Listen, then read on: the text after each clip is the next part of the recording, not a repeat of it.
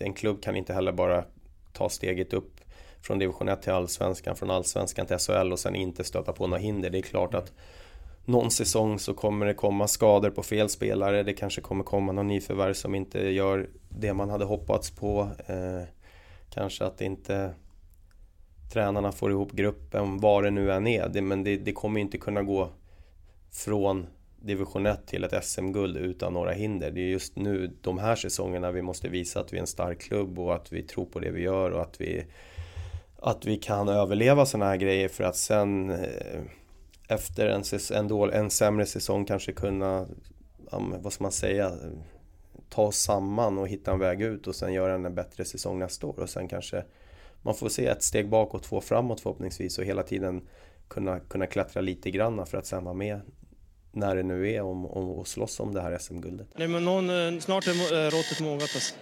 Persson! Lägger på blå för loppen, kommer skjuta, fintar skott, spelar pucken höger istället, Davidsson skjuter, man lever över returen! Skottläge kommer där! Kan jag få låna micken? I mål! Hur skjuter karln?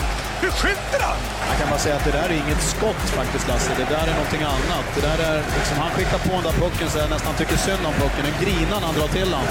Utan Fröbo var målvakt! Kan jag få låna micken? Kolla! Poff! Men allvarligt talat Leif Boork, håller på med hockey i 600 år! Kan jag få låna micken?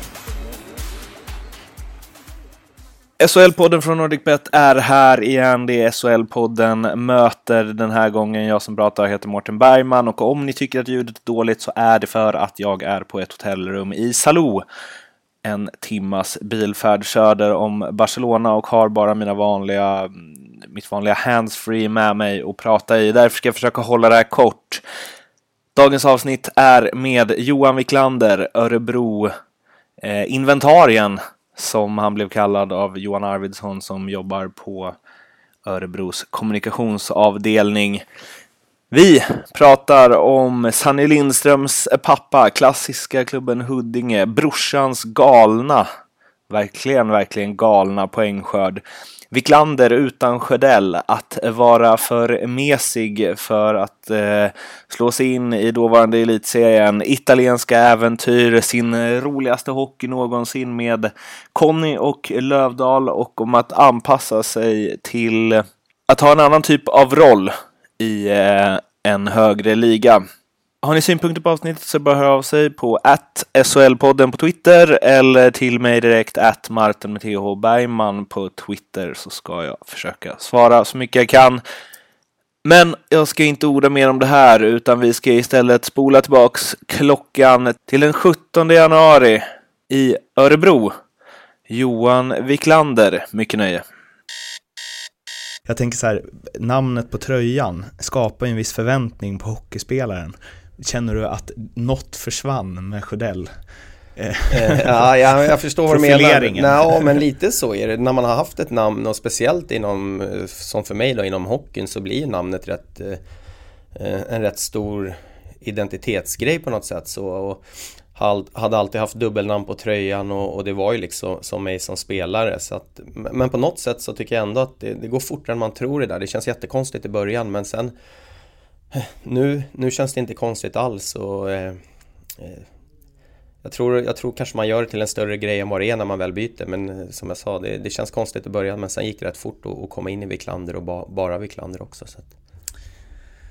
Um, jag, eh, när jag bokade den här intervjun så pratade jag med Johan Arvidsson som, nu outar jag honom här att han mm. hjälpt mig med frågor, men som jobbar på kansliet här. Eh, han, och det här är ju liksom, det är NordicBet podcast och det går ju inte att undgå att eh, liksom eh, prata om det här då. Du har ju kammat hem stora summor på spel. Ja, jo, i alla fall en gång. Nej men eh, vi var ju rätt många i laget i Huddinge när jag spelade där som började när påken kom. Mm. För många, många, många år sedan och, och, började spela och tyckte det var jäkligt kul och vi hade väl eftersom, eftersom vi var så tidigt ute och, och var rätt eh, vi hade en kille som var jäkligt duktig på poker också, snabbt, som lärde oss. Och då, då fick vi framgångar och, och vann, vann ganska mycket i början faktiskt. Eh, när inte alla hade lärt sig spelet så himla bra. Och, eh, så det, det, var häftig, det var en häftig period. Vi, vi spelade ganska mycket och eh, ja, det var, det var kul. Men sen så ju, ju fler år som gick och, och, mer spelare som kom in så de, de spelarna som, som verkligen var bra det var ju de som kunde ägna hela nätterna och, och dagarna åt och analysera och spela bra och, och föra anteckningar och det har man inte riktigt tid med som hockeyspelare. Det var någon timme här och där man kunde spela så att eh, det, det höll ju inte att, att ha en eh, proffskarriär som hockeyspelare och samtidigt göra 100% för pokern så då kände man att man, man tappade för mycket och det gick inte att vinna pengar längre så då var det bara att lägga, lägga ner det. Men, men innan det så hann jag ju få en sån här, vad heter det, bad beaked jackpot. Mm. Eh, så det var ju kul. Det är sjusiffrigt vi snackar om. Ja, precis. Det var, jag spelade med i bolag då med en kompis och vi delade på det men själva jackpotten då var ju hög också så det var väl 1,4 miljoner tror jag vi vann. Så det var, ja, var sjuk, sjuk känsla att förlora en pott. Jag var ju lite less först att, att jag hade förlorat potten mm. eh, med, eh, med fyrtal mot Färgstege då. Okay. Men sen så ringde kompisen som satt och kollade och, och bad mig kolla liksom vad som egentligen hände. Så gick jag in på, på eh, banken då, spelbanken och då såg jag att det hade kommit in på en gång pengarna där. Så det var, ja, det var en sjuk känsla och häftig också. Så det, det hände nog inte så många. Hur firar du? Just då så firade jag inte så mycket. Det var mer gå och lägga sig och, gå och, lägga sig och sova för vi hade träning dagen efter. Men eh, sen så gick jag ut med ett gäng kompisar i, i, i Södertälje då spelade jag. Gick ut och käkade och, och sådär och, och bjöd dem på det. Och, och sen så hade vi faktiskt planerat in en resa till Las Vegas på sommaren där. Så då var ju det... Åkte dit och brände allt? Ja, exakt. Nej, inte riktigt. Men det är klart vi hade, hade börjat spara lite för den resan. Men nu kändes det som att det var rätt safe att, att kunna åka dit och spela lite utan att det kändes för mycket. Så det var, äh, det var häftigt. Det finns ju, ehm, och det bekräftades väl nyligen när han intervjuades av Thomas Ros i Aftonbladets podcast där men Robban Nilsson var ju eh, samma år som han satte det här rekordet för poäng i högsta serien av en B-junior så var han ju typ eh, fem, Sverige femma i Counter-Strike. Okay, ja. Eh, så han kombinerade ju det här, liksom, ja. liret på högsta nivå med ja. extrem sena nätter. ja, precis, men det är det jag menar. Det, det kanske funkar ett litet tag att göra det tror jag, men sen det är, det är svårt, man, måste, man känner ju det eh, hockeyn har ju gått till det, det gör väl alla, alla sporter på något sätt, men det blir ju mer och mer seriöst, viktigt mm. med förberedelser, med sömn, eh, kost och, och träning och det för mig funkar det inte i alla fall att vara vaken halva nätterna och sen kunna träna bra och, och, och få, alltså, få in sömnen rätt timmarna och allt det där. Och ju, speciellt ju med åren, ju äldre man blir så blir det ännu viktigare. Så det, det tror jag blir svårt för de flesta men eh, det kanske funkar under korta perioder. Det här har du ju snackat om eh, förut, men också oundvikligt att prata om. Eh, din fru Emily jobbar ju på marknad här mm. Eh, och gör intervjuer kring matcher och så. Ehm, alltså, jag vet inte riktigt vad jag vill fråga kring det här, men någon, alltså ni är liksom båda eh, jobbar inom Örebro Hockey, eh, förvisso du på isen, hon på kontoret. Men det måste ju, alltså blir det, blir det mycket hockey? Eh vad ska jag svara? Ja, men det, det blir mycket hockey, absolut. Mm. Det, det, kan jag inte säga någonting annat om. Men samtidigt så, så är det det, vad ska man säga, det, det är mitt liv, eller har varit mitt liv de sista mm. 20-25 åren. Och det är det jag älskar mest av allt, så det tycker jag bara är roligt. Och framförallt för att hon är så sportintresserad och hockeyintresserad och, och, och brinner lika mycket för det som mig så är det, det är skönt på ett sätt att ha det så. Sen eh, Vissa gånger kan man väl helt ärligt säga att man kanske hade velat haft en fru som inte förstod någonting av, av mm. sporten och man bara hade kunnat lagt undan det när man kom hem. Så det är, det är lite både och. Ibland är det jäkligt, oftast är det jäkligt skönt att kunna ha någon som är, är så insatt och kunnig men eh, ibland eh, är det tufft också. För det är det många säger så här att man, man kommer hem till familjen, kopplar bort mm. liksom när det går tungt och så. Här blir det någonstans så här eh, alltså om vi ska hårdra det riktigt, är du dålig på isen eh, och dina lagkamrater, det påverkar ju hennes jobb ganska mycket. Ja men absolut, det, så är det ju verkligen. Och det blir frustrerande för henne. Hon, hennes jobb är ju att fylla, fylla vår arena och det, det är ju lättare om vi spelar bra hockey, så är det ju mm. bara. Och sen är det klart att hon, hon är gift med mig och vill att jag ska göra det så bra som möjligt. Mm. Och har ju sina åsikter på, mm. på spelet och allt sånt där eftersom hon är så intresserad och tycker det är kul också. Så att, men eh, som jag sa, mestadels så är det bara positivt tycker jag. Och mm. Vi har ju varit i den här situationen under många år så det har blivit liksom, vad ska man säga, det har blivit eh, vanligt för oss. Det är så det är liksom och det, det är inget, inget konstigt. Så att, eh, nej. Det här, det här också, ja, nu har jag gjort researchen här liksom, Mm. så det här frågan har du fått förut, men eh, där kom du undan så jävla lätt på det svaret. Men här, att bli intervjuad av henne, Ja. eh, det kanske inte har hänt superofta, men å andra sidan är det typ den första intervjun som dyker upp med dig på Mm. YouTube. Hur eh, är det? Nej, det är ju, egentligen är det ju mycket enklare att bli intervjuad av henne än någon annan tycker jag. Eh, framförallt för att eh, det är aldrig riktigt eh, det, det är som du säger, det är jättemånga som frågar det och är det inte konstigt och stelt? Och nej, jag tycker tvärtom. Det är bara Det är bara egentligen enklare. Hon eh, Vad ska man säga? Det, som, som intervjuare så vill jag ha någon som kanske har lite mer utvecklande svar och inte bara svara ja och nej och för att få intervjun att flyta och lite mer intressant och det, det är såklart, det är ju hennes eh, expertis, veta hur man ska göra en bra intervju och vad som krävs och det är klart att hon hon ger mig tips eh, hur, man ska, hur man ska göra i media för att få en bra intervju. Så jag menar för, för mig och henne är det ganska simpelt att, att, att få ihop en, eh, en, liksom en, en bra intervju så. Och, eh, de frågorna hon ställer och att det blir enkelt för mig att, hitta bra svar och ja, få det lite intressant så. Så det tycker jag nästan bara är, är positivt och, och enkelt. Jag vet inte om du har sett men eh, efter eh, när Spanien vann VM-guld 2010 Mm. eh, Ike Casillas intervjuas ju av sin eh, flickvän är väl, Sara, Sara Carbonero. Mm. Eh, och det slutar ju i en kyss för att han blir så känslosam. Det, det har aldrig varit nära liksom. Så. Nej, nej.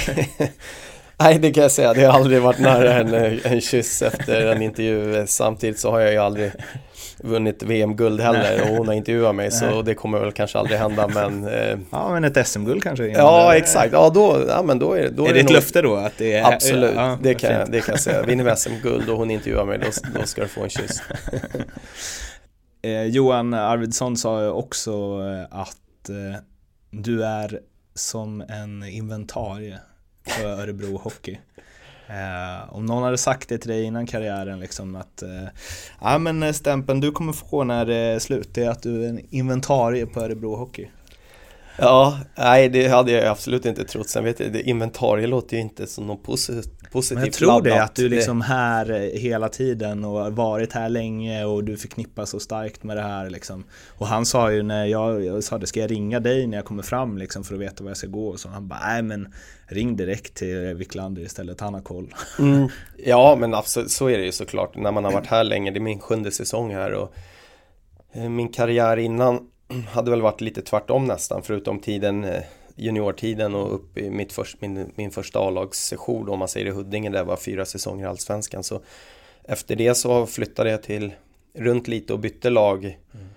Blev väl aldrig kvar på något ställe riktigt länge så. Eh, Men det har ju sina, sina förklaringar att man hela tiden ville framåt i karriären och, och hitta, hitta det perfekta stället om man säger. Och, och det, så har det verkligen blivit här i Örebro att det, det här känns eh, rätt från, från början och har aldrig känt något behov av att, att söka mig vidare eller liksom åka någon annanstans utan det och med den resan vi har gjort också, kom hit till ett lag i Allsvenskan som verkligen satsade 100% för att gå upp och sen få vara med på den resan och sen ytterligare ta steget där man vill spela i SHL liksom och, och bevisa sig. Så att det både det hockeymässiga och liksom staden och alla vänner man har fått här både inom hockeyn och utanför hockeyn är ju liksom eh, fullträff eh, för oss som familj och mig personligen också så att, eh, Nu kanske du svarar på det men Ja. jag hade redan eh, tänkt eh, ställa den frågan så jag gör det ändå. Men vad, du sa liksom att du hade letat efter det som var perfekt. Vad är det som, vad var det med Örebro som var perfekt liksom? Som har gjort att du ändå Nej men det var ju först och främst var det det hockeymässiga att, att det, var, det var en häftig klubb att komma till. Det kändes som de var på väg uppåt. De, det var en, en ny klubb som ändå hade höga ambitioner. Och, eh, jag ville också, jag ville ju såklart bli bättre i min karriär och, och, och, och komma till SHL och det kändes som att det, det, var, det var ett bra det var ett bra läge att, att komma till Örebro den tidpunkten jag gjorde det med, med ett jäkligt bra lag och mycket profiler i laget. Eh, Sen är det såklart att det, det är inte långt ifrån Stockholm heller där jag har min familj och min fru har sin familj så att eh, det spelade ju in också och sen det, för mig är det väl en perfekt storlek på staden också. Det är inte för litet som man, man har ju varit på ställen där det kanske är alltså bara hockey och sen finns det inte så mycket annat att göra. Här kan man ha, få en jäkligt bra mix med med både fullt fokus på hockeyn och, och, intresse och mycket folk som vill prata hockey, vilket är jättekul. Men samtidigt så kan man få vara sig lite för sig själv och få andra vänner utanför hockeyn också och inte alltid bara behöva prata hockey eller snacka om sig själv utan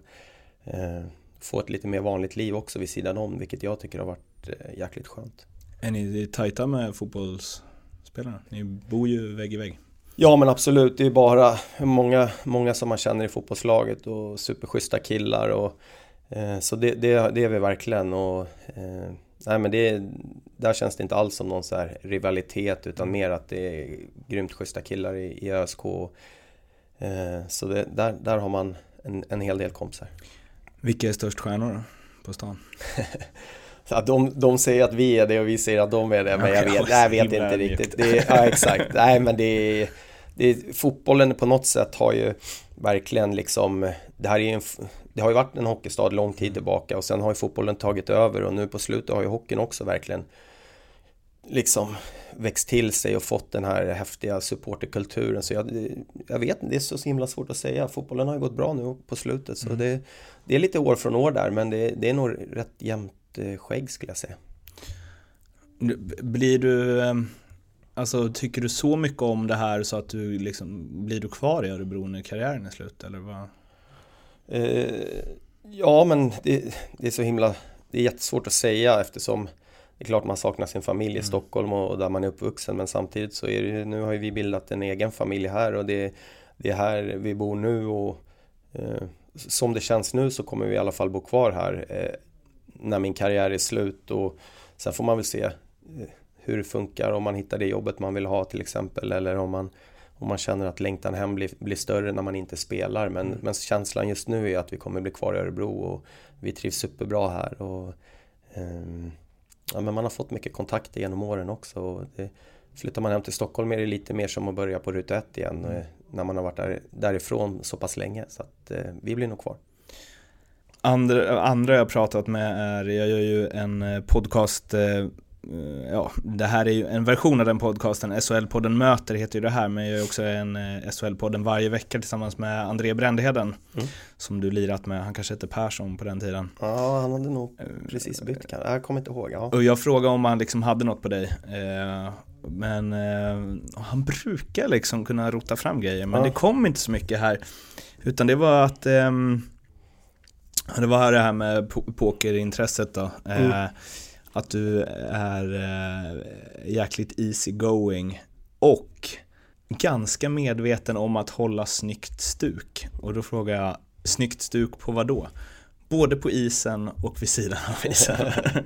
och då är jag mest intresserad av på isen. Är det liksom, snackar vi hur hjälmen sitter och tröjan är instoppad och klubbor lindade och, eller liksom vad är... Ja men ja, absolut, ja men lite så var det. Framförallt kanske när man var yngre då var det superviktigt hur man tejpade benskydden och mm. vad man hade för, för linning på klubban och hur damaskerna satt över skridskon eller om de satt bakom. Mm. Och sen det där, det där har, man, har man väl släppt lite men det sitter ju fortfarande kvar för det, det var ju liksom Ja, vad ska man säga, man, man har älskat hockey sedan man började så man har ju liksom, det där har ju knappt varit som Det har bara varit som att det har kommit av sig självt och sen man har ju liksom kunnat vi, vi, jag kommer ihåg för många år sedan, då satt vi och testade varandra om vad olika spelare, vad de hade för stuk och då kunde man ju sätta in hundraprocentigt, han hade maskerna instoppade och den linningen och det visiret och så det, det är lite sådär vad ska man säga, någon sjukdom nästan. Mm. Men eh, det är väl inte så att jag åker och tänker på hur jag tejpar benskydden nu mer. Men eh,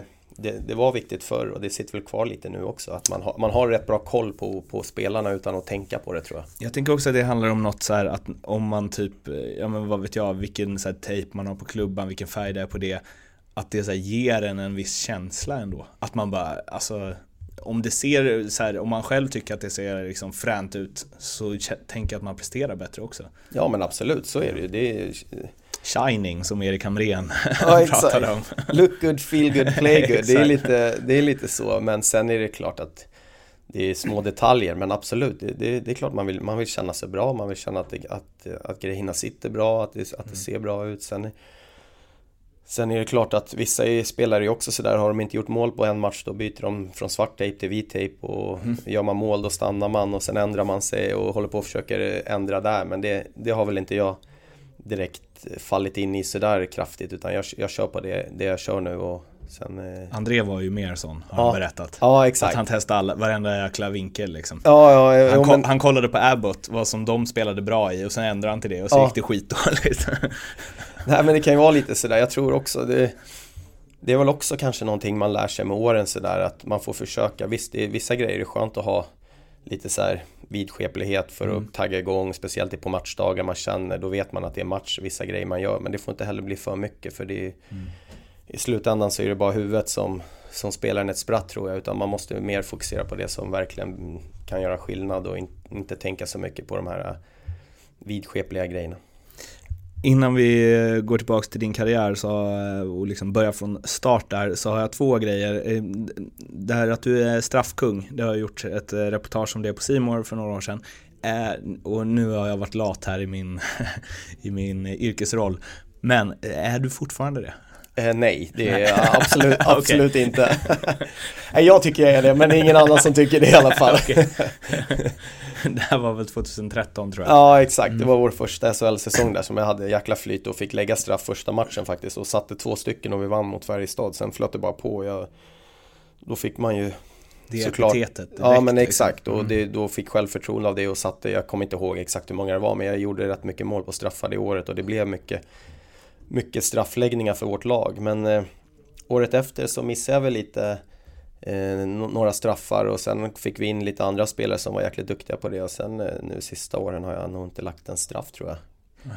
Så jag, jag, väntar, jag väntar fortfarande på min chans här. Så Men det, på, på träningarna är de bra eller? ja, på träningarna är de ruggigt bra, då sitter de Det jämt. säger ju alla. Ja, precis. Mm, jo, och sen innan vi pratar om din karriär som sagt, din brorsa Mm. som heter Joakim. va? Joakim, ja. Eh, alltså, var inne och snurrade lite på hans Elite Prospect. Och eh, det finns ju eh, liksom Kapfenberger och lite sånt gött att rota i. Men framförallt att han, ja det här blir förra året då, i senaste uppdateringen som finns, så spelade han två matcher, gjorde ett mål och fyra ass i division 5 för Örby IS. Och jag är uppväxt i Örby med Örby IS som moderklubb. Okej. Och det är typ första gången, alltså det är han och Henrik Talinder, det är de enda två spelare jag sett som Ja. har spelat i Örby. Ja. Eh, jag vet inte om jag har någon fråga på det. Går det bra för honom? Ja, nu, nej, men nu, nu spelar han ju inte längre. Ah, men okej. eh, det var nog, jag, jag har knappt någon koll på att han har spelat i Örby. Jag tror det bara var någon kompis kanske som frågade om han ville vara med någon match. Och, Okej. och sen var han med, men eh, nej, han var ju jäkligt eh, bra spel. Han var grym, grym spelförståelse och gjorde som du ser på Elite Prospect så han visste hur man gjorde poäng och mål. Alltså, han har ju en poäng här, eller en säsong här 2010-11, Brinkens IF, division 4, 10 matcher, 30 mål, 24 ass. Där känns det ju som att han liksom levde ut. Så här känns det att vara Sidney Crosby. Exakt, exakt. Nej men han var lite så, han var, det var väl skridskoåkningen lite som han var hans eh, svagaste länk om man säger att han inte hade farten men han var ju så här klassisk eh, center, stor, dukt, bra skott, grymt spelsinne men han var väl lite också feg, han ville aldrig riktigt eh, ta chansen och testa där liksom hur långt han kunde komma. Han trivdes bra och var kung i, i de lagen han var i och visste att han var bäst och fick spela mest och kanske inte verkligen ta de här eh, chansningarna och, och testa vingarna i Allsvenskan och se hur, hur det skulle ha gått och sen kanske kunna ta sig vidare därifrån utan han blev kvar i Stockholm och spelade mest division 1 hockey och sen var lite utlandsäventyr i Österrike och England också då men eh, Eh, Snackar ni, alltså har ni pratat om det liksom?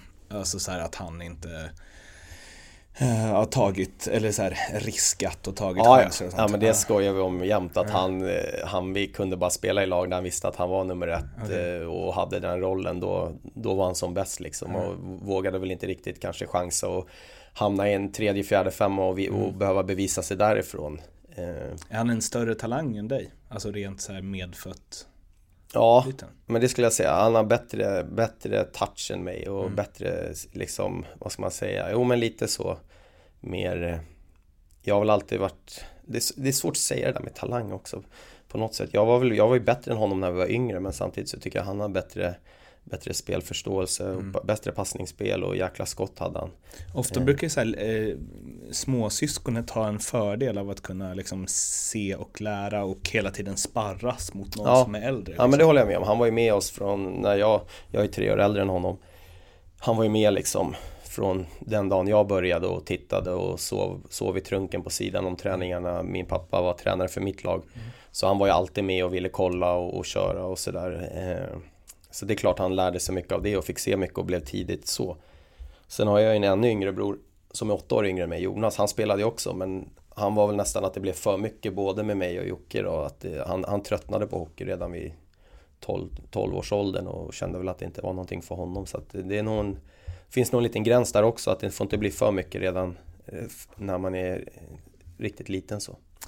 Om vi eh, spolar tillbaka då till, eh, ja, Elite Prospects börjar väl eh, sin tidsräkning någonstans vid eh, J20-åren. Mm. Eh, Mellanhöjden Bredäng. Men eh, jag vet inte om det bara är för att jag åkt förbi den hallen så himla många gånger, men det känns ändå som lite klassisk hockeymark för att vara Stockholm. Ja men verkligen. Jag, jag var ju med, när jag började spela då fanns ju inte hallen ens. Då hade vi bara en uterink och sen ett litet frimärke som det hette, en isplätt bredvid. Och sen var det en, eh, en riktig eldsjäl, en pappa i, till en, en kompis till mig som jag spelade med. Robban Olsson hette han, hans pappa Bengt Olsson. Det var han som i stort sett byggde, byggde hela MB-hallen eh, på egen hand på den tiden för att vi skulle få en ishall och det var ju superlyxigt. Och, eh, ja, och sen har det ju bara flyttat på där och, och MB har ju liksom vad ska man säga? Ja, det, har, det har blivit en klassisk hall med, som många, många känner till så det tycker jag är skitkul. Ännu mer eh, klassisk eh, hockeymark, Huddinge där du var länge. Mm, Ehm, Det finns ju en del spelare som har fostrats i den föreningen. mm. Hur var det?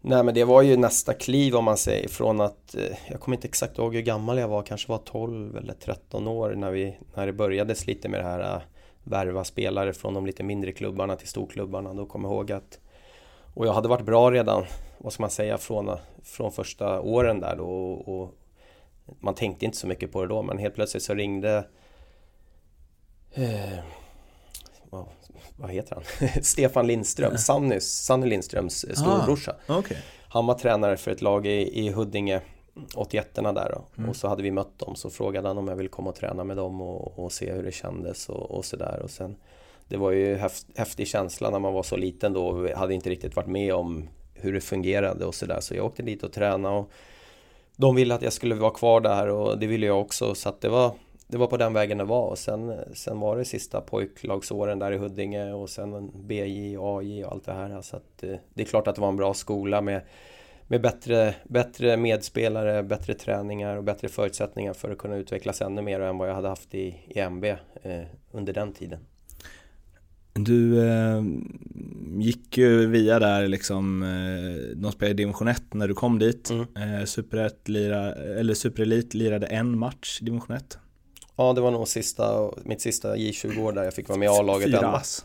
Ja, så det var ju kul A-lagsdebut. En Ja. match, fyra poäng. Så det, men det var i division 1 också. Jag kommer inte exakt ihåg vilka vi mötte. Men det var, det var kul att, att få vara med och känna på det innan liksom mitt riktiga år som var året efter där. Och när de väl hade tagit, då hade de tagit klivet upp till Allsvenskan också. Så det var, det var ju Hur var det steget då att liksom gå direkt från eh, J20 till, ja för det är 19 poäng på 39 matcher i Allsvenskan, det är ju ändå Ja, Alltså- det var ju, jag var ju nästan lite så här att jag inte visste riktigt eh, om man ville att Huddinge skulle gå upp till Allsvenskan för att det blev ett sånt stort steg från J20 eller om det hade varit bättre och om de hade legat kvar i division 1 och man hade kunnat tagit kanske lite lite ett mindre steg men så här i efterhand så var det ju det bästa såklart att vi gick upp och jag ändå lyckades ta en plats i, i allsvenska laget och göra så pass bra bra ifrån med första säsongen. Ehm, Då var man ju liksom inne i och redan var en allsvensk spelare i den åldern och, och, och, och klara av det. Ehm, Så det var ju i i efterhand var det ju ja, kanon såklart. Och det bara liksom eh, rullade på där. Mm. Det kändes som att ja, men säsongen efter gjorde du 33 poäng på 40 matcher, 32 på 38, 29 på 42. Det är liksom bara, Mm. det, det känns som du acklimatiserade dig eh, väldigt fort. Ja, För ni var väl inte, det var väl nedre halvan eller? ja, Exakt, eller vad tänkte du på i, Ja, i Huddinge, Ja, i, liksom. i, i Superelit eller? Nej, jag tänkte på allsvenskan. Ja, allsvenskan. Men det som var bra på den här tiden, eh, ska sägas att steget blev lite mindre, det var ju att det var både det, norra och södra. norra och södra, så jag tror det var 22 eller 24 lag, 12 i varje serie, så det var inte riktigt lika, lika tufft som, som det var för ett par år sedan att ta sig upp direkt upp till Allsvenskan. Men samtidigt, det var ju stor skillnad. Man kom och hade spelat bara mot dem i sin egen ålder och sen skulle man möta liksom vuxna män som hade spelat A-lagshockey länge och var hårda i kroppen och starka. Och, så det, det var ju, det var lite så här, jag visste inte ens om jag skulle få en plats i A-laget i Huddinge då. Det var, vi var ett gäng 81 som, som stod på gränsen och fick vara med på försäsongen. Men då gick det bra för mig och lyckades, lyckades ta en plats och, och, och ändå och leverera lite grann också för att bevisa mig då. Och vissa killar ja, föll bort på den tiden som kanske hade haft några egentligen bättre säsonger i, i superelit än mig då. Så att eh, där tror jag var viktigt att man verkligen ja, att man tog, tog vara på chansen och, och fick vara kvar i ett allsvenskt lag och, och, och få spela också. Eh, för det, det är många man har sett, just i Stockholmshockeyn där man inte riktigt tar steget direkt. Det är lätt att fastna i någon division 1-klubb och sen är det, ska det mycket till om man verkligen ska få en ny chans och, i ett allsvenskt lag eh, och, och, och, och, och få ta den då. Så att, eh, nej, det, det, är, jag- det är jag glad över att jag lyckades klara av. Sen lämnade du för Bofors Mm. 05-06. Första gången utanför Stockholm liksom och till ett lag som eh, kvalade till elitserien det året också. Mm. Ehm, hur, var, hur var det liksom att Ja men vad ska man säga, prova vingarna lite så. Det gick ju jäkligt bra men jag tänker mer kanske känslan inför. Ja, det, det, var, det var lite både och. Egentligen så här i efterhand så när man kom Man hade det ju så himla, vad ska man säga, man bodde hemma när jag spelade i Huddinge. Det var sina vanliga kompisar man alltid hade haft och nu var det mer flytta till en annan stad, spela hockey lite mer på, verkligen på heltid och eh, så, så på något sätt så kanske jag ångrar att jag inte provade det lite tidigare ändå. Att det blev fyra år i Huddinge. Det hade kanske räckt med två år och sen Var det lite som brorsan, lite bekvämlighets Ja men li, lite så var det nog att man kände Nej men det funkar väl här, varför ska jag byta? Jag hade väl lite känsla, eller tankarna så här, varför byta från ett allsvenskt lag till ett annat? Nu åkte vi ur med Huddinge sista året där så då var det ju inget snack och det var ju därför jag ville byta också men Samtidigt så märker man ju när man byter lag, det kan ju vara det kan ju vara som att spela i två olika divisioner även fast man spelar i samma serie när det är olika olika tränare, andra förutsättningar och allting sånt där och plus som du sa att man, man, man får ju ta hand om sig själv, bo själv och i ny stad, nya kompisar och allt sånt där. Så att jag, det, var, det var jäkligt utvecklande och jag, egentligen skulle jag nog, om jag tittar tillbaks på det, kanske ha gjort det lite tidigare. Men, men det var lite så också att på den tiden kändes det mer som att var man inte uppe i SHL dåvarande elitserien på en gång då var det nästan så här, ah, det är ingen som kommer klara det ändå. Så det var lite det det var lite det snacket mm, som gick att man, det går inte att bli någon late bloomer och, och, och komma upp om, om fem år. Antingen är man där eller så är man kvar i Allsvenskan och då kan jag lika gärna bo i Stockholm. Så att, eh, men där hade man ju verkligen fel. Men du var liksom, alltså jag måste få grepp om så här hockey, du sa spela hockey på heltid och så. Du gick till ett eh, topplag i Allsvenskan från ett lag som åkte ur där du ändå hade gjort massa poäng flera år i rad. 24 bast och du säger liksom hur snacket gick där att man kanske, ja är man inte uppe i SHL när man är 20-21 så kan man lika gärna glömma det. Alltså hur, eh, ja för att sätta i någon form av perspektiv, vad tjänar du där? Alltså var du, så här, var du proffs då eller var det så här, det går runt? I Huddinge? Ja, nej, i Bo- Bofors, liksom, I Bofors? första säsongen. Oh, i Bofors. Alltså snackar vi så här 25 i månaden? Och, Nej, nej, nej, nej. Jag kanske hade 12 000, 14 000 i månaden eller någonting Va? sånt där. I topplag i Allsvenskan 2005? Ja, oh, tror det. shit. Okej. Jävlar. 15 kanske, jag kommer inte Nej. exakt ihåg men det var, Nej, men det var alltså- precis att, det var precis att man Precis att man klarade sig eh, med hyran och liksom kunde äta och sådär. Och sen ändå satsa på hockeyn. Men sen var just den här tidpunkten var ju när pokern också Ja, hjälpte till. Så då var det inte så, det, det spelade inte egentligen så stor roll om det var 15 eller 25 för det, det löste sig ändå liksom. Men eh, För annars tänker jag, där måste det ändå finnas, jag intervjuade Jacke Blomqvist i en tidigare det här och han sa att, eh, nej men så här, när han var typ, han var väl 24 eller någonting och han bara fort, han spelade väl i en to toppklubb i division 1 då kanske i och för sig. Gjorde massa poäng, men där började han så fundera på, alltså hur länge ska man hålla på med det här livet liksom? Mm. Att visst, hockey är superkul, men han kände väl också att så här, elitserien var långt borta liksom. Eh, hur kände du där? Kände du att du så här, fan, som du sa nu, att bara, ah, elitserien, det kommer aldrig hända? Eller kände du att fan, här är vi på väg mot något liksom?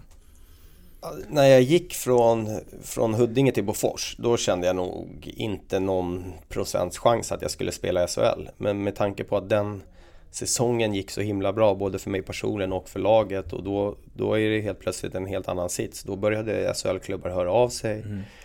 Och det var kanske då man kände, okej, okay, det finns en chans ändå fortfarande. Mm. Eh, och, och, och, ta steget och, och visa att man är, att man är värd det. Liksom. Mm. Eh, men det hade jag inte riktigt känt, för det var aldrig något snack om det när vi spelade i Huddinge, även om man gjorde en bra säsong, att det var någon SHL-klubb som hade som hade ögonen på en eller någonting sånt där. Men så fort Bofors var ett annat skyltfönster på något sätt och vi, som du sa, vi var topplag. Vi, vi gick till kvalserien direkt och eh, jag fick göra mycket mål och mycket poäng. Och, så det var väl lite det året man kände att det var ändå hade det året gått dåligt, då tror jag nog jag hade inte spelat hockey så länge till. Men jag hade, jag hade flyt att det, att det gick bra, fick spela med riktigt bra spelare. Och fick då, det var lite trögt i starten där kommer jag ihåg, men sen så lossnade det bara. Och, och sen flöt det på och sen efter det så var det mer så här, ja men nu är det på gränsen. Och då kände man ju verkligen att man ville, ville ha mer och ville, ville vidare på något sätt.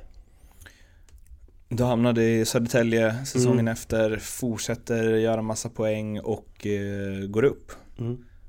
Eh, det måste ju någonstans vara, alltså här börjar vi närma oss eh, de riktiga grejerna tänker jag. Ja. Liksom. Nej men det var så, jag var ju jäkligt besviken efter det året i Bofors med tanke på, jag vet runt jul eller efter jul där så var det ju eh, Djurgården som hörde av sig och var liksom sugna på att jag skulle komma dit och de skulle hålla ögonen på mig de pratade med min agent och skulle hålla ögonen på mig och lite sådär och sen gjorde jag en kvalserie som var helt katastrofalt dålig.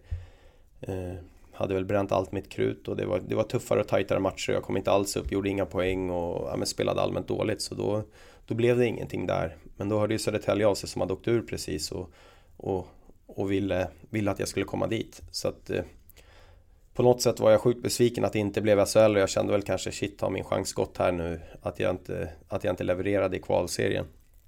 Eh, men sen kom jag till Södertälje som ändå också på något sätt var Huddinge till Bofors var ett stort steg även fast det var samma liga om man mm. säger med, med eh, förutsättningar och publik på matcherna och allt sånt där och sen tar man Bofors, eller som de heter då, eller Karlskoga och sen går till Södertälje som hade varit ett SHL-lag. Det blev också lika stor skillnad. Nu var det som att spela i... klassiskt SHL-lag. Ett klassiskt mm. SHL-lag och spela i AXA Sportcenter och ha den organisationen. Eh, var det där du började känna dig som ett proffs? Ja, det kan man väl säga. Det var, mm. det, det, var där på något sätt som man, ja precis som det var mitt första år som hockeyproffs. Mm. Liksom, att det fanns alla förutsättningar. Det var, vi hade ett SHL-lag nästan i allsvenskan. Vi, mm. vi förlorade väl bara en fyra, fem matcher tror jag hela grundserien i mm. ordinarie tid. Så att det var, vi hade ett riktigt bra lag.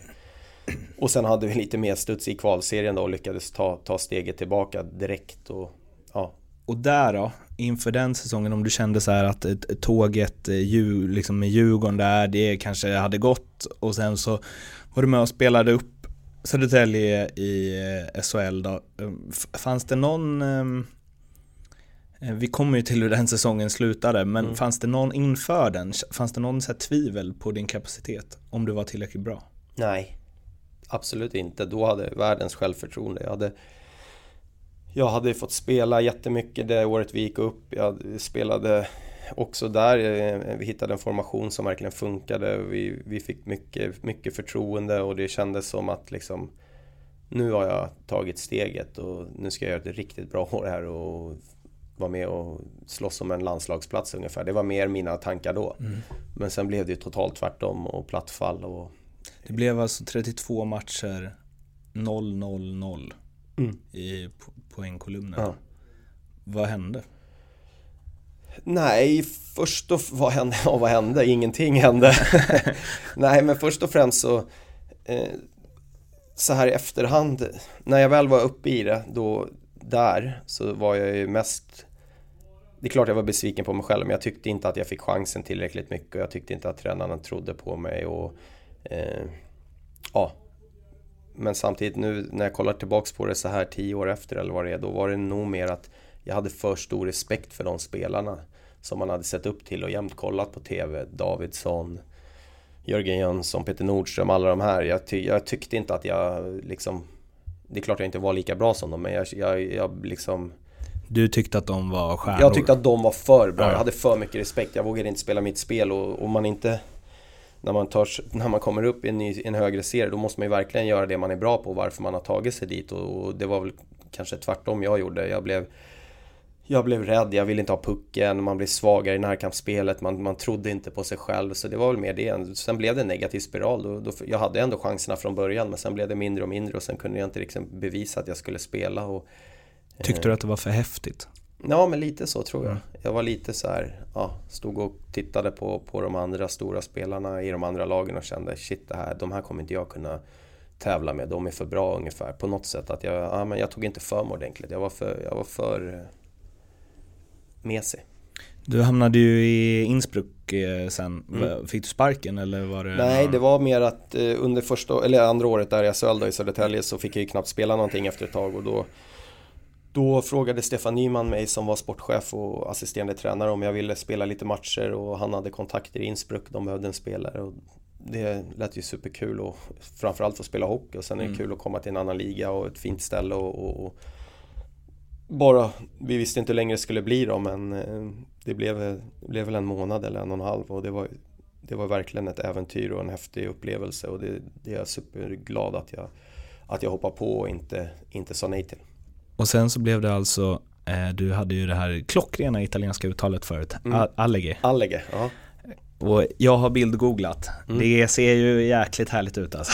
Ja, det var helt sjukt. Det var eh, vad är det, Dolomiterna och liksom ja. eh, Man ser ju framför sig liksom eh, Alperna, skidåkning och liksom eh, Pizza, pasta. Mm, ja, ja, men det är exakt, det är exakt så det var också. Det var ju, ja, det var häftigt, häftigt var det. det. Det är nog det ordet. Det var en liten, liten skidort med 1500 mm. invånare kanske och en ishall och sen var det de flesta från laget, det var italienarna som, som uppvuxna i den här lilla byn då och hade sina, de hade sina familjeföretag där, antingen hotell eller skidshoppar eller kaféer och så spelade de hockey och eh, tog, de, tog vi in fyra, jag tror de hade fyra utlänningar per lag då, som, så kom man in där och fick liksom bara hoppa rakt in i det här lilla samhället och i de här familjerna som var mm. laget liksom. Det var sjukt häftigt och, och verkligen få bo så här inte i en storstad utan man kom in till en liten, liten by i Italien och, och fick verkligen leva det italienska livet vilket var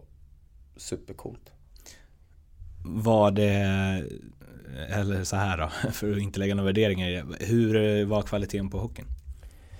Ja, den kvaliteten var inte det är också så svårt att säga. Den var, nej, den var inte bra. Absolut inte. Det var inte ens allsvenskan eh, skulle jag säga. Samtidigt så de, de alla importer som var där var ju liksom, det var inte lätt att få kontrakt i italienska ligan ens tyckte jag. För det, var, det finns inte så många platser och de importerna som var där var bra. Så vissa spelare höll jäkligt hög klass.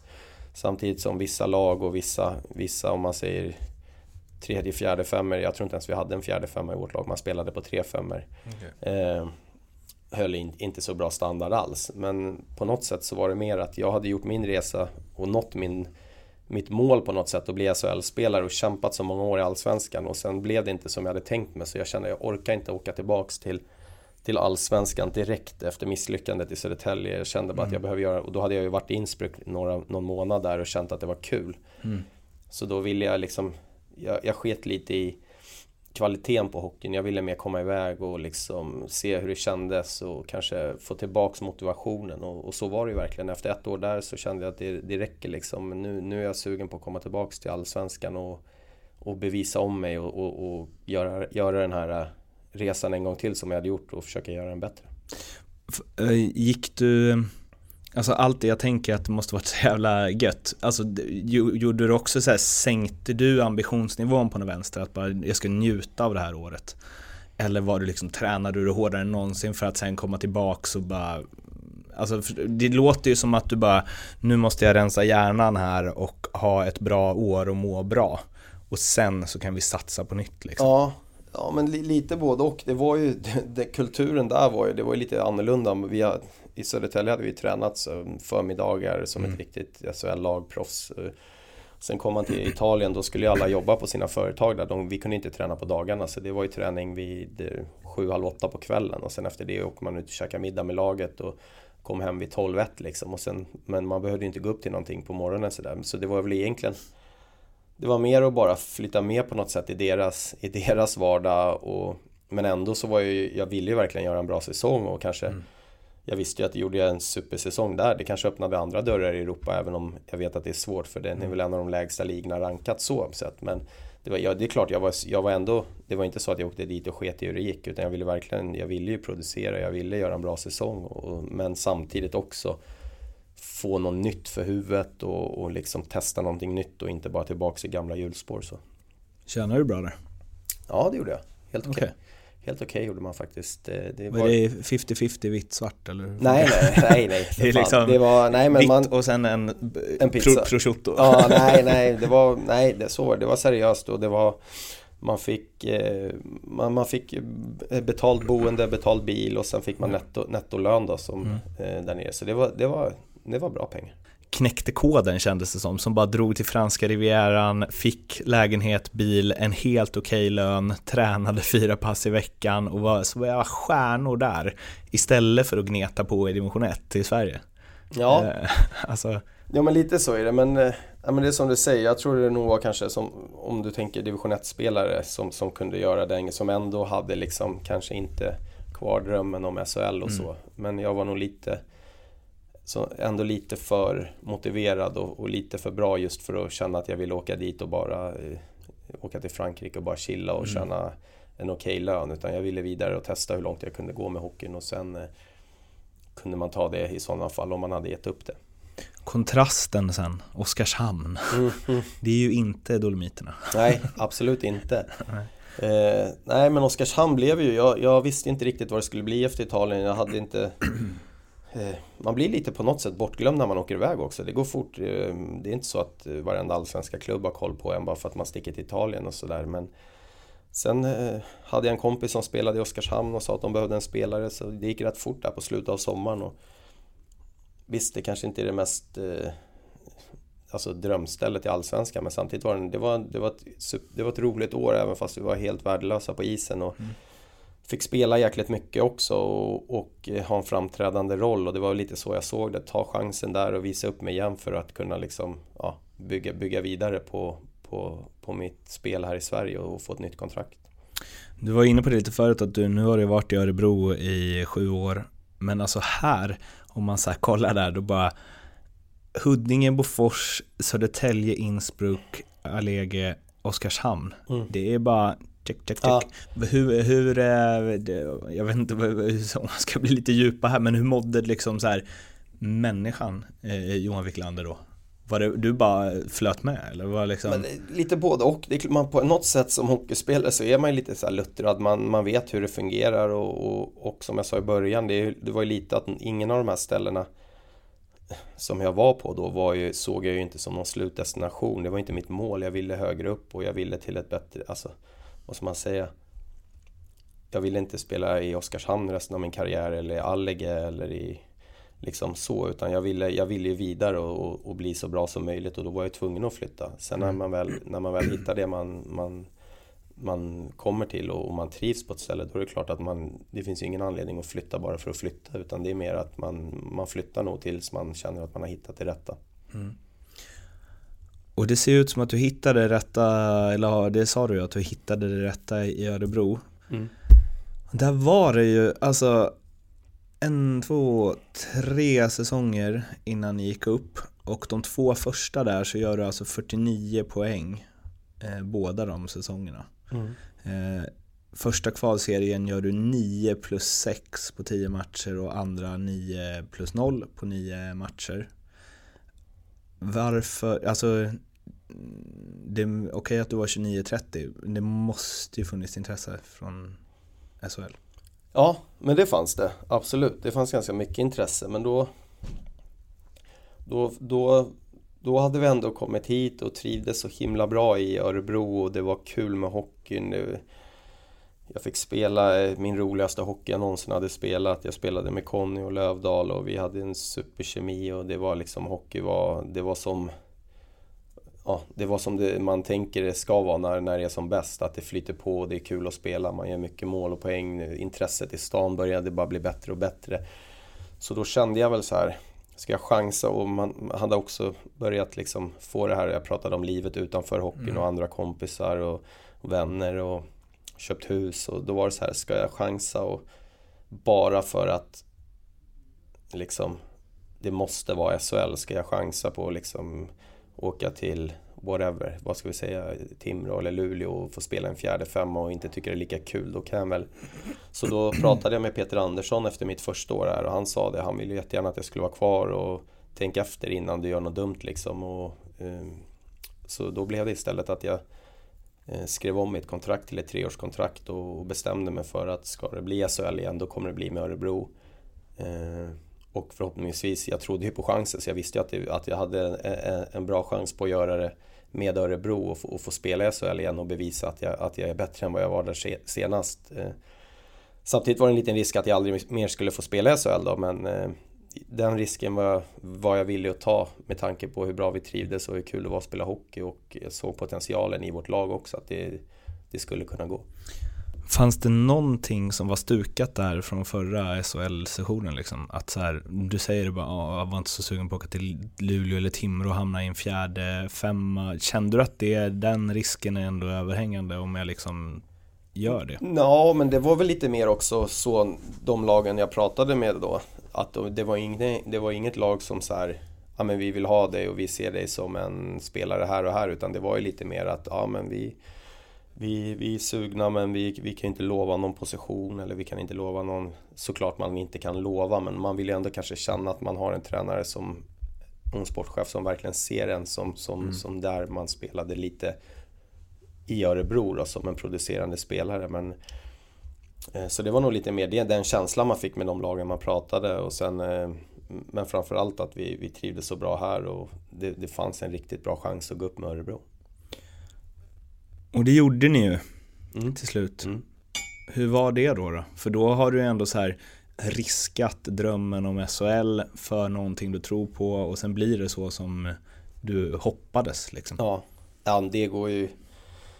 Vad ska man säga? Det, det är det som är så häftigt att det slår ju liksom den, den planen eller planeringen eller vad mm. man ska säga blir ju helt eh, ja, osannolik att man, man stannar kvar och man tror på det. Och sen egentligen har vi gjort två fantastiska säsonger och vi gör en lite sämre säsong år tre. Och det känns väl som att jag är på väg att rinna ur sanden just det året i alla fall att vi inte riktigt har laget. Och vi får lite skador och vi får inte ihop spelet. Men sen till slut där runt jul så, så vänder allting och sen, sen går vi bara som en maskin och man hinner knappt liksom tänka efter. Och sen har vi spelat efter sju omgångar tror jag vi är klara för SHL i, i kvalserien. Eh, så det var ju, ja, det, det är liksom höjdpunkten på, på karriären på något sätt, att, mm. att ta det steget. Hur var det att vara i SHL sen då? Med ändå, om du hade lite tvivel liksom? Nej men det var, det var tufft kan jag säga. Eh, det var tufft ändå alltså. Det, det, är, det är en stor omställning att gå framförallt och, och klara av att gå från en spelare som är eh, ledande och poäng, poängmässigt liksom och ta det steget i SHL. Det är jäkligt svårt. Det är en grym skillnad ändå på något sätt att, eh, att ta det steget. Men ehm, samtidigt så var nu var jag mer förberedd på att jag visste att det skulle bli svårt. Jag visste att det var bara att borra ner huvudet och, och liksom åtminstone visa att man jobbar hårt och, och bidrar med det som behövs för att liksom ja, kunna ta en plats. Och det, det tycker jag väl, vad ska man säga, att jag jag hade inte alls samma respekt heller för spelarna. Jag var lite äldre och jag hade haft lite erfarenhet av det. Så att det på något sätt så allt det där tillsammans gjorde att jag ändå kunde, kunde ta steget. Måste, mm, för jag, när jag så tittar på din eh, statistik och även så lite hur du är som spelare, både hur du var i Hockeyallsvenskan och hur du är i SHL, så tänker jag lite på så här, eh, ja men Jens Bergenström han har väl gjort mest mål genom alla ti- eller mest poäng genom alla tider i Hockeyallsvenskan. Mm. och visst, han har haft någon enstaka säsong i högsta också där han producerat. Men ändå så här eh, i alla fall, nu har jag sett honom mycket mer än vad jag har sett dig. Och där är det så, så tydligt att han är väldigt dominant i Hockeyallsvenskan. Men att han liksom Han har också ett spelsätt som gör att det är väldigt lätt att sätta in honom i en annan roll. Mm i SHL. Det känns lite som att du också har det. Att man bara, man vet vad man får om man sätter dig i en tredje lina också liksom.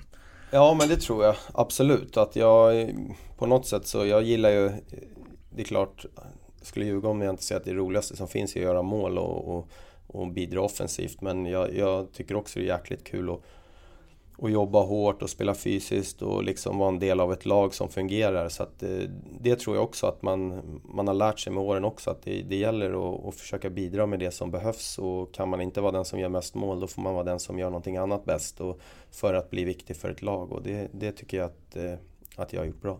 Kan man, skulle du kunna känna, säga eller så känna att du på något sätt så här, accepterat att du inte är tillräckligt bra för att göra de poängen i SHL? Liksom? Absolut, det, det, har jag verkligen gjort. Eh, det har, jag, det har jag accepterat och utan problem. Jag kan snarare nu mer se att liksom glädjen i att kunna, kunna bidra med annat och eh, även om, om man eh, såklart vill göra mål också och det gör jag men mm. man, man, man, eh, man, ser nyttan och glädjen i att kunna göra andra grejer också för laget och, och Eh, jag ser mig själv nu som en mer komplett hockeyspelare än när jag gjorde 50 poäng i Allsvenskan. Mm. Om vi ändå liksom landar där vi är idag eh, och eh, du som en inventarie i Örebro Hockey då.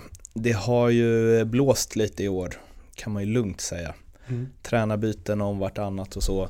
Och eh, om det nu är några som säger det, jag tycker jag läst några sådana uttalanden om att ja, men vi fokuserar på det som händer på isen och så vidare och så vidare. Så det är klart att det måste påverka. Ja, men det är klart att det gör det. Det, det, det ljuger man ju om man säger att det inte gör. Det, självklart är det inte eh, optimalt att behöva byta tränare under säsong, men samtidigt så när man har spelat ett par år i hockey på den här nivån, då vet man att det, det händer. Och, det är svårare att byta ut ett helt lag än att byta ut tränarna. Och, eh, det brukar oftast bli så i alla fall i första steget då, för att försöka vända en säsongstrend. Men samtidigt så är det ju ändå, det är ändå vi på isen som, som är, liksom ska göra det och det är vi som är ansvariga för det. Så det är, även om man byter ut tränarna så ser det inte bra ut för spelarna heller för det är vi som på något sätt har misslyckats. Så att det gäller ju för alla att eh, på något sätt eh, se sig själva i spegeln och, och göra göra det man kan hela tiden för att maximera lagets prestation. Och, ja, vi har inte riktigt lyckats med det men jag tycker ändå nu, nu på sista tiden så är vi, är vi på rätt väg känns det som. För det känns som hela, så här, sen du kom till klubben så har det bara varit så här, positiv anda, uppåt, nästa steg, dunderdum, mm. check, check, check.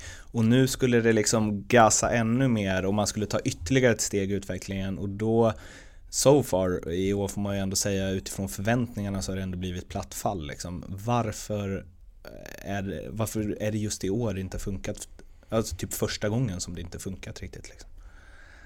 Ja, jag vet, jättesvår fråga men det är som du säger, det har ju verkligen varit så här, du vet, som du sa, år efter år efter år har det bara gått ett steg utan egentligen några direkta hinder. Så det, kollar man på det lite mer utifrån så är det såklart att man förstår att en klubb kan inte heller bara ta steget upp från division 1 till allsvenskan, från allsvenskan till SHL och sen inte stöta på några hinder. Det är klart att någon säsong så kommer det komma skador på fel spelare. Det kanske kommer komma någon nyförvärv som inte gör det man hade hoppats på. Eh, kanske att inte tränarna får ihop gruppen, vad det nu än är. Det, men det, det kommer inte kunna gå från division 1 till ett SM-guld utan några hinder. Det är just nu, de här säsongerna, vi måste visa att vi är en stark klubb och att vi tror på det vi gör och att vi, att vi kan överleva sådana här grejer för att sen eh, efter en, en, dålig, en sämre säsong kanske kunna, vad ska man säga, ta oss samman och hitta en väg ut och sen göra en bättre säsong nästa år och sen kanske man får se ett steg bakåt, två framåt förhoppningsvis och hela tiden kunna, kunna klättra lite grann för att sen vara med när det nu är om, om att slåss om det här SM-guldet. Finns det någon oro hos dig kring För? den här säsongen?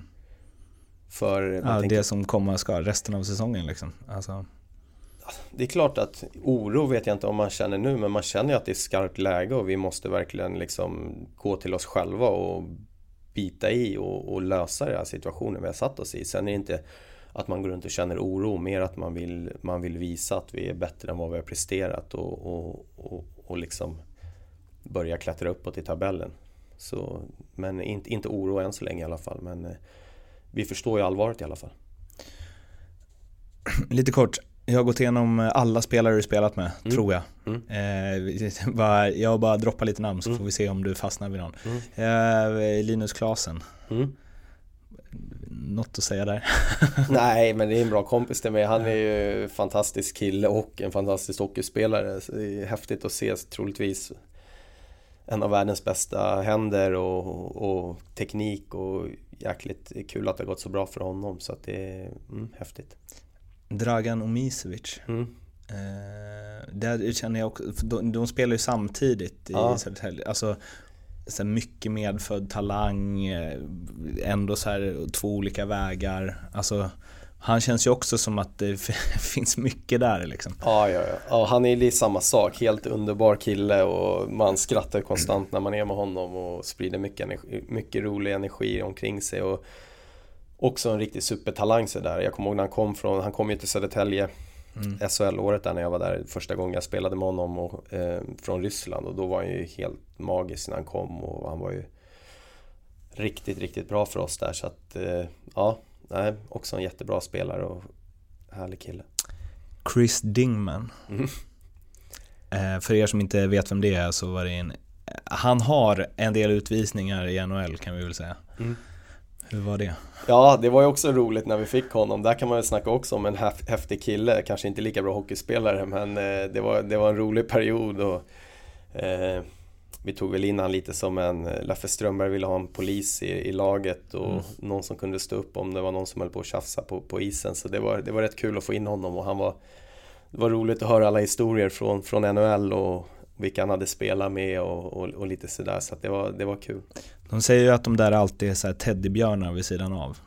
Ja, men eh, Teddybjörn vet jag inte, men han var, han var ju stor som, en, som ett skithus och eh, han var rolig och snackig och ja, men han var, han var, det var kul kille att få in i laget faktiskt. Och sen så de två givnaste till sist då. Vi börjar med Conny Strömberg. En megaprofil. Ja, men verkligen. Eh, ja, men helt, helt fantastisk att- spela med. Det, sinnessjukt spelsinne och passningar. Man, man tror inte att, eh, att de ska kunna gå och slå så snabbt och pre, precis som han gör det. Och, men han gör det liksom dag efter dag och kväll efter kväll. Och det var ju liksom när vi väl lärde oss att spela ihop och lite hur man skulle åka då, då var det ju Ja, då, då var det kul att spela hockey.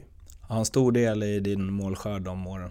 Ja, absolut. Det är, det är så, du måste ju hamna i en, i en, i en liksom, vad ska man säga, en, fem, en, en kedja som fungerar och som vi gjorde, det, det, det fungerade ju helt perfekt och jag hade nog inte gjort hälften av de där målen om inte, om inte Conny hade spelat fram till dem och det är just det han är så bra på att hockey nu, alla är så duktiga på att jobba hem, försvara, spela från rätt sida men han är den som kan hitta den här avgörande passningen som behövs för att det ska bli ett mål och en riktigt farligt, farligt läge. Mm. Sen kunde han slå bort någon passning här och där men eh, det är just de där, vågar man slå dem och de går fram, det är då de här lägena kommer där man kan göra mål som inte, som inte kommer om man inte kan slå dem. Han har ju själv varit väldigt öppen liksom med problemen han hade, liksom alkohol och hela den biten. Hur var det att vara här, hans lagkompis och vän under den tiden? Nej, men det, det var inte... Det var, det var inga, inga problem så. Han är, Conny liksom världens snällaste person och alltid liksom gör, gör alltid allting med kärlek. Sen är det klart att det vissa gånger var det, var det tråkigt om det blev någonting och som hände att han inte kunde vara med och spela och sådär men eh, det, var, det var egentligen i media så blev det jäkligt stort och det var ju såklart inte bra allt, allting som hände men samtidigt så var det inte så mycket som påverkade vårt spel på isen eller runt omkring i, nere i laget utan vi visste hur Conny var och, och liksom det var, det, var inget, det var ingenting som var så här kändes konstigt då under tiden. Och sen sist där då, Eh, där man eh, får väl säga att du är någon form, alltså om du är en inventarie så Henrik Lövdahl Ja, är ju, han är liksom beyond. ja exakt. Han sitter fast i väggarna. Exakt. Ja. Eh, Ja men det känns väl ändå som att du har liksom fått axla det lite nu när han inte är kvar.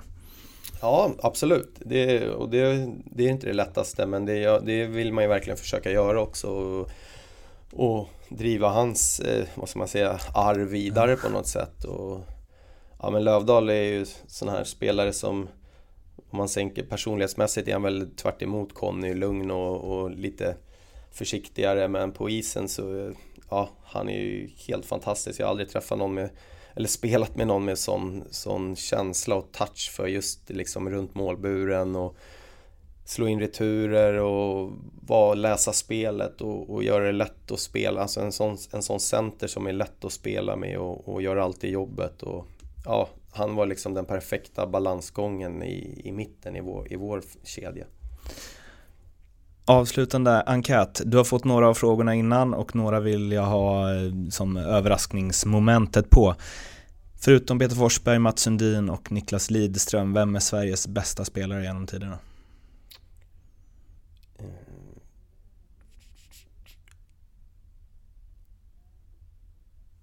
Då säger jag Erik Karlsson. Tror du att du hade spelat i första femman i alla NHL-lag 1990? Om jag var som jag var idag? Mm. Nej. Jag tänker att det, utvecklingen har gått Jo, framåt. jag vet. Ja. Men vi, det där brukar vi prata om ibland. Men det är jäkligt svårt att veta också hur, Mm. hur det var. Och, men eh, nej, det tror jag inte. Du är den första, tror jag, som säger nej på den. Okej. Säger också om, något om hockeyspelares självbild. ja, exakt. Förutom Wayne Gretzky och Mario Lemieux, vem är världens bästa spelare genom tiderna? Eh, Peter Forsberg. Om du får tänka helt fritt, vilken regeländring, hur galen den än må vara, skulle du vilja se inom hockeyn?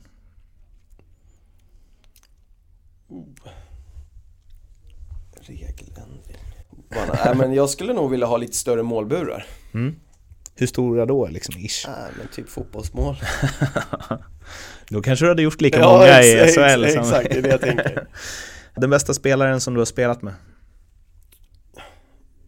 Ja, det här är en svår fråga. Jag har ju, jag har ju spelat med Niklas Kronwall i TV-pucken, i TV-puckslaget. Men nu har- tänker jag så här, eh, vem klubblag. du tycker är bäst, inte vem som har liksom det fetaste CVt eller har blivit bäst eller så, utan Vem var- den som vem du som har var- spelat med som du tycker är den bästa spelaren. Just, alltså, ja, där just- och då liksom. Okej. Eh, Då, s- jag säger nog två spelare. Linus Widell i eh, Södertälje, Mm. all, det första året där i Allsvenskan, då var han ju helt enorm tycker jag. Mm. Gjorde i stort sett vad han ville varje gång han fick pucken. Och sen säger jag Derek Ryan här, Mm. andra året i SHL.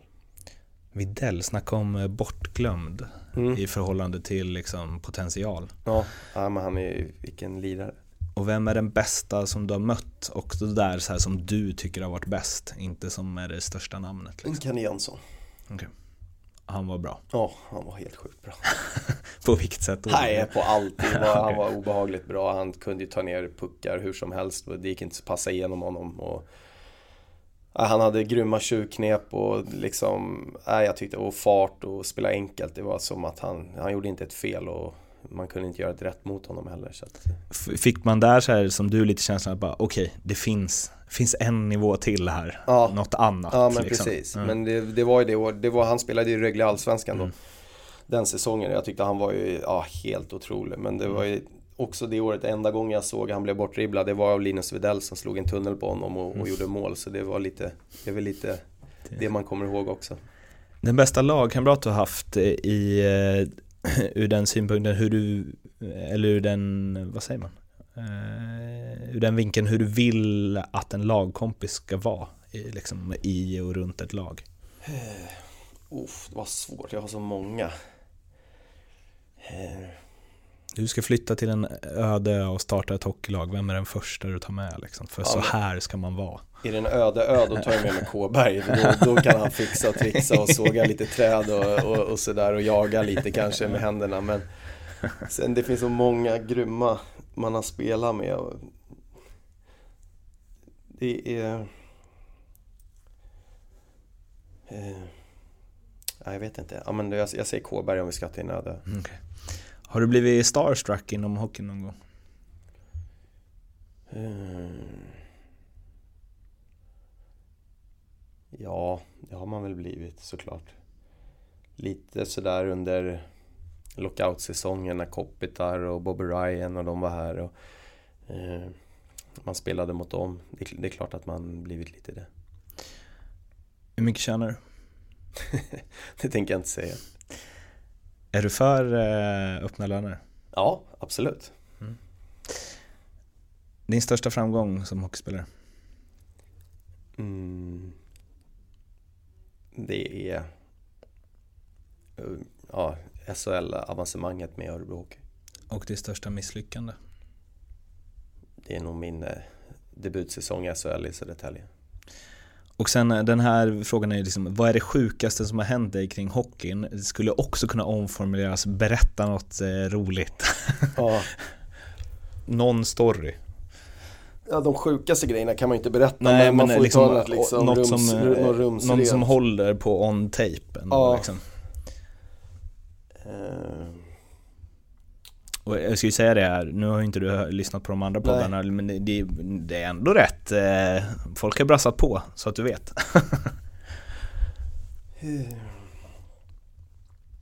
ja, det skulle väl vara när vi var på avslutningsresa ett år med, eh, med Örebro i Las Vegas. Så vaknade jag upp på morgonen och kände fan det gör, det gör riktigt ont i rumpan.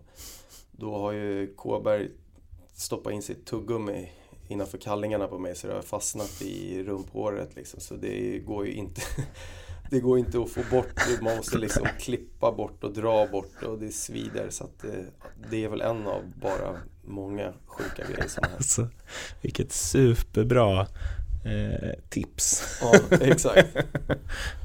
det är, det är, jag tycker att det, det kanske är den bästa så här eh, pranket jag hört. Ja. Det är exakt rätt nivå. Ja, exakt, exakt. Uh, om du fick uh, helt och hållet regissera din sista match, var den spelas, vilka ni möter, hur gammal du är, vad den gäller och vad som händer i matchen. Hur låter det då?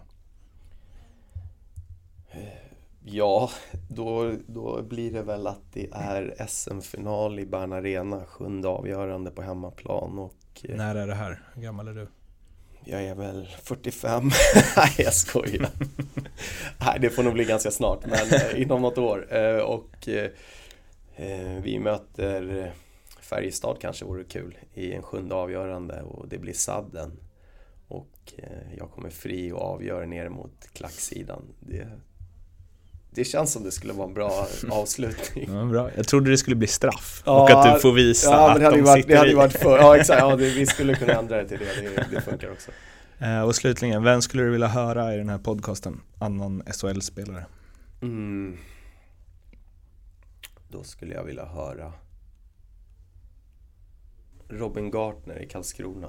Mm. Skulle jag vilja höra. Varför det? Ja, men så kan han berätta lite om kost och träning och lite stretching och så. ja, det låter ju kul. Du, Johan, tusen tack för att du ville vara med. Tack så mycket själv. Det var vi hann då. Avsnittet med Johan Wiklander i SHL-podden möter. Gillar ni detta så sprinn det vind för våg till alla era vänner och ovänner och sen så prenumerera gärna på iTunes eller Acast. Så blir jag så glad, så glad. Vi hörs igen nästa vecka, men tills dess sköt om er. Hej!